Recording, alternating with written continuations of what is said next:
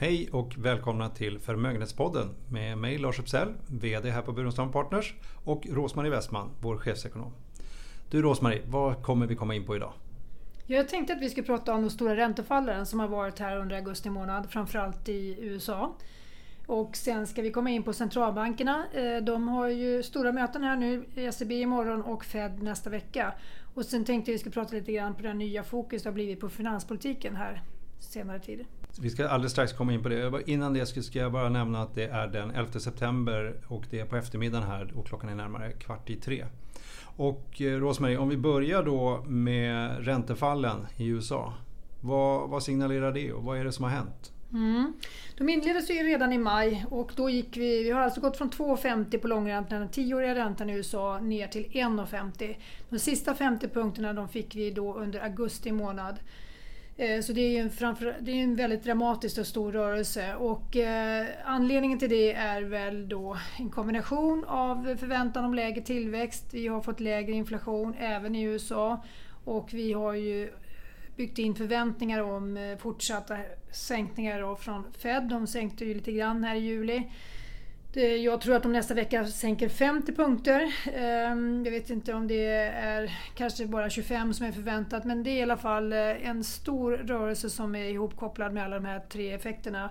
Och eh, det kan vara så att USA har haft eh, en felaktig penningpolitik utifrån att de, ja, den tillväxt de hade tänkt sig efter finans, eh, ska säga, skattesänkningen förra eh, då, som trädde i kraft 1 januari 2018. Då förväntade sig alla, inklusive Fed, att det skulle bli mycket högre tillväxt i USA. Och då blev penningpolitiken riggad för detta. Eh, I efterhand har man fått revidera ner den tillväxten för 2018. Den är, blev bara 2,5 procent och då är det egentligen, då har ingenting hänt och vi har inte fått den här överhettningen av ekonomin som man hade väntat sig. Och trots att då eh, arbetsmarknaden varit ganska tajt så har det inte heller lett till någon högre inflation. Så nu är allting stresstestat kan man säga i USA vad som händer i lite olika scenarier. Okej. Okay. Men om vi tar lite grann på ECB i, i samband med det här då? Mm. De har möte redan imorgon. Och eh, där tror man att eh, de kommer sänka, de har inte så stort utrymme, de är redan på minus, inlåningsräntan är minus 0,4 procent och eh, man förväntar sig en sänkning på 10 punkter kanske, så ner till minus 0,5. Det är ett signalvärde men inte mycket mer än så.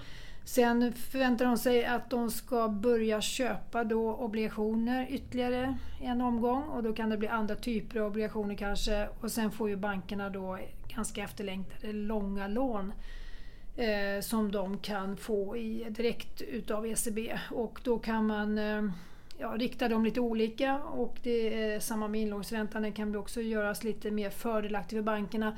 Man behöver hålla uppe lönsamheten i den europeiska banksektorn för att ekonomin kan inte må bra om bankerna blir tilltryckta av att det nu blir ännu mer minusränta. Så det kommer de ha i bakhuvudet. Och det kan man faktiskt se att det är under den här veckan nu med inledning i måndags har påverkat bankaktier eh, positivt i Europa och även i Sverige. För här i svensk press har man kunnat läsa om att de svenska bankerna eh, tjänar för mycket pengar och att det ska införas en bankskatt. Men det är inte läget i hela Europa? Nej, det kan man inte säga. Det ska man inte våga sig på det just nu. Eh, och det är klart att om man jämför de svenska bankerna med de europeiska så har ju den svenska skyhögt högre lönsamhet in i dagsläget. I Europa har den blivit något lite bättre men den ligger långt efter de svenska. Vi hoppar till en annan svensk bank som kanske inte jobbar så mycket med sin lönsamhet, Riksbanken. Eh, de eh, gick ut här och försökte prata upp den svenska kronan och det gick väl ganska bra. Men de, de sa att det skulle inte komma någon... Eh, de stod kvar vid sin plan trots att alla andra tror något annat. Mm. Vad tror du? Ja, jag är nu på samma sida här som Riksbanken. Eh, jag kanske inte tror att... Eh, jag är inte helt säker på att de kan höja men jag ser eh, den viljeyttring de gör och jag ser det som att de försöker bygga på en räntedifferens nu mot Europa som jag tycker att de skulle haft egentligen hela tiden. Och om vi tittar på om ekonomin behöver några minusräntor eller inte så tycker jag i det här läget inte att eh, vi behöver ha kvar våra minusräntor i Sverige. Så jag tycker att de gör en ganska klok avvägning här nu. Och det kommer då i sin tur hjälpa kronan. Eh, minusränta ska man ju ha när man har deflation och det kan man ha under kortare tid men det är alls inte bra för ekonomin tror jag att eh, nyttja eller blir drabbat kan man kanske snarare säga då av minusräntor. Det blir skeva, skeva allokering och, och funktionssätt i ekonomin blir, tror jag, mindre bra med negativa räntor.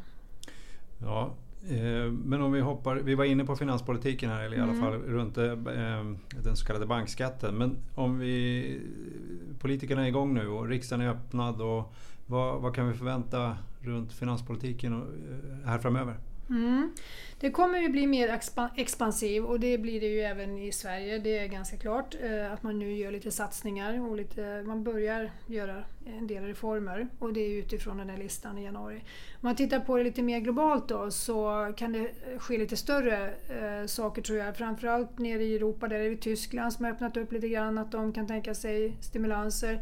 De börjar också diskutera om de ska ha en separat budget för lite långsiktiga investeringar och det tycker jag är fantastiskt om det kan ske. Det har jag efterlyst länge. Eh, att, att man behöver titta på infrastruktur på ett annat sätt. Eh, det ska inte gå över den vanliga budgeten och skrivas av som det blir i praktiken då på ett år. Det höjer budgetunderskottet då temporärt under bara ett år, någonting som lever i 50 år eh, vilket blir väldigt orimligt. Så, så kan man få till ett ramverk i, eh, i Europa så är det bra och det behöver inte Tyskland sitta och vänta på utan de kan mycket väl vara den, det land som, som gör detta nu eh, inledningsvis och sen kan man bygga ett ramverk då kring detta. Eh, vi har en ny kommission på plats eh, från 1 november och nu vet vi lite mer vilka som ska ingå där och det, det känns som att, att den är mer kanske har högre ambition helt enkelt än vad tidigare eh, kommissioner har haft. Eh, lite mer beslutsamhet om vad man behöver åtgärda och vilka problemområden som finns, faktiskt finns då inom Europa. Vad, hur det ska se ut de närmaste fem åren. Och eh, det här ingår säkert och vi har ju, får ju också en ny, som vi har nämnt förut, en ny ECB-chef, Lagarde som kommer från IMF, tidigare IMF-chef. Hon börjar i precis samma veva i, i, november, där i början på november och eh, hon har ju sin bakgrund i IMF och, och, vet ju hur finanspolitiken ska hanteras eh, kanske för att få ut det mesta mm. möjliga. Så det kommer bli en, en, bra växelverkan här tror jag mellan penningpolitik och finanspolitik eh, i den bästa av världar och jag, ser lite sådana tecken på det. Du nämnde att de är lite mer beslutsamma och nästan mer seriösa tyckte jag läsa om. Men, men det kanske var en egen tolkning. Men kan du ge några exempel på vad du menar? Ja, det är, eh, de problemområden som finns eh, är väl adresserade. Eh, Förr kanske det varit ganska långa agendor med allt möjligt och det blir ofta kanske lite politiskt korrekt och alla ska få sitt men ändå inte vara för provocerande och sådär. Nu tycker jag det, att de, det känns som att de sätter ner foten lite mer. Och, Bland annat så såg jag att, de, att eh, konkurrens, eh, hon som var då ansvarig för konkurrensfrågorna i Europa då för stegen här, att hon får, en dansk kvinna som får förlängt eh, och får ytterligare ansvar. Det är ju väldigt, väldigt bra signal när det gäller att ta de här frågorna på, på allvar med eh, fighten som behöver tas kanske mot techbolagen och digitalisering är ju väldigt, väldigt viktigt för Europa. Där måste vi också ligga i, all, i framkant med G5. Alltså det är väldigt bra att utnyttja en person som har detta kunnandet från början. Det tycker, bara det tycker jag är en ganska frisk fläkt, att man faktiskt vågar ha kvar eh, kompetenta ledamöter i den här kommissionen och inte mm. bara byta. Vi ser med tillförsikt fram emot deras arbete. Och du nämnde ingenting om Brexit här, vi ska prata om det. Men, men det kan väl inte gå... Det händer så mycket i Brexitfrågan så vi kan väl inte låta det här programmet gå förbi utan att kommentera någonting. Mm. Var... Ja, vad ska vi säga? Eh, det ser väldigt rörigt ut. Eh, om man tittar på Boris Johnsons chanser att vinna ett nyval så är inte de heller speciellt ljusa. Eh, det kan ju vara så att, eh, att, det, att han har blivit inmotad i ett hörn nu så att det kan faktiskt... Eh, ja, oddsen för att det blir ett, ett avtal kanske har stigit marginellt. Eh, alltså sannolikheten, inte oddsen, sannolikheten eh, kanske har, har, stigit för det. Eh, men alla har ju deltagit i den här debatterna som har varit i parlamentet. Eh, ingen har undgått det, att det varit väldigt rörigt och att han har blivit nedröstad sex gånger sedan han tillträdde och inte fått igenom någonting av det han har velat så här långt. Eh, men eh, jag tror att investeringarna kanske i Europa ändå kanske kommer igång efter att de lämnar när det sen blir. Jag hör väl till dem som tycker ändå att det är bra att få ett avslut inom närtid.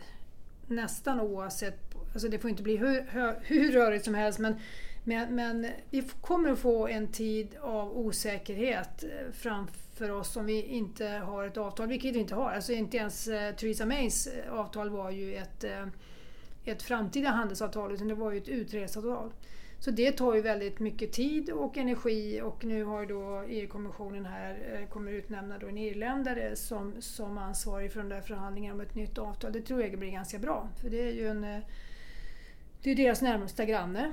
Eh, så det är säkert väldigt bra. Plus att det är ju där knäckfrågorna ligger. De ligger ju i det här med gränsen mellan Nordirland och Irland och då kan det vara väldigt bra att ha en irländsk kommissionär som dessutom har bakgrund inom jordbruksfrågorna då, innan han eh, tar hand om handelsfrågorna. Så, så han verkar väl lämpad för det och eh, jag tror att det finns en väldigt god avsikt från EUs sida. Man har stått still på den plats man har satt sig så att säga. Så man har inte, man har inte låtit sig pressas på något sätt. Men man har heller inte gjort några, tycker jag, provokativa utspel utan eh, man har ju låtit det pågå, det som pågår internt i, eh, i England utan att blanda sig i. Och eh, jag tror att eh, det var många på den engelska sidan som trodde att man med ren förhandlingslist skulle kunna komma ur det här på något speciellt sätt. Men det finns inte så många sätt att, att, att lösa. Det är väldigt svårlösta frågor helt enkelt. Och de, de hör, de hör samman med att de vill lämna. Eh, så de skapas ju av England och ingen annan. Och det börjar väl gå upp för dem nu att det finns liksom ingen större illvilja någonstans utan det, det är ju ja, en inbyggd problematik, konflikt i det här. Att, eh, att eh, bara halva, halva Irland lämnar och att Irland då blir kvar. Um, om jag skulle kunna nämna en sak till om finanspolitik, eh, när vi ändå varit inne på det, då är det USA. Eh, och när jag gick in här i rummet idag så såg jag ytterligare en liten Twitter från Trump, det brukar vi inte kommentera, men jag såg en intressant sak och det var att han ville, om, han vill nu omstrukturera eh, USAs eh, eh, statsskuld. Eh, det tycker jag är väldigt, väldigt intressant. För det, mm. det, det, tror jag kommer också bli ett tema. Eh, med så här låga räntor så kommer naturligtvis alla länder förlänga sina skulder. Det ser vi redan så det är inget, det är inget uh, unikt i det. Men jag tror att det, kreativiteten kommer fram här nu, hur man ska göra detta. Och det kommer bli mycket, mycket mer fokus då som vi har varit inne på. Men det kommer signaler från alla håll, inklusive USA nu. Vad tror du han menar då med omstrukturera räntorna? Ja, jag tror att han menar en förlängning eh, Eh, främst. Eh, men om man omstrukturerar så kan det också bli så... Alltså I USA tror jag man är ganska van vid att tänka att man kan omförhandla sitt lån om räntorna sjunker. Det är ju det man gör på bolånesidan. Så jag är inte alldeles säker på... Det går ju inte med fasträntade fast räntade obligationer på statsskulden. Eh, så det kan vara lite sammanblandning av vad han menar där. Om man tror att man bara kan... Men, vad man kan göra det är att förlänga skulden. Eh, och, och, det tycker jag absolut att de ska göra när de eh, bottnar sin i räntor. Sen har, han här, sen har han här idén att de ska ner till nollränta i USA.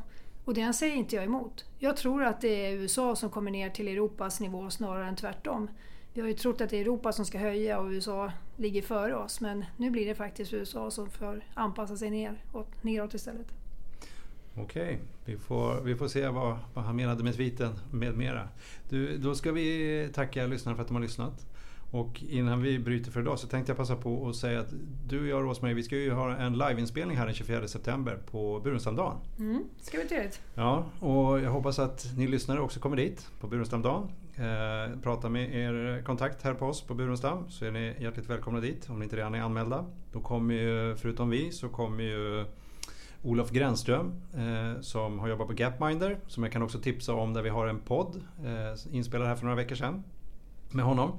Och sen kommer Ebba Busch Thor och så kommer vi ha en paneldebatt runt eh, vad som kännetecknar de bästa investerarna. Så att hjärtligt välkomna dit allesammans. Men idag, slut för idag. Tack för att ni har lyssnat.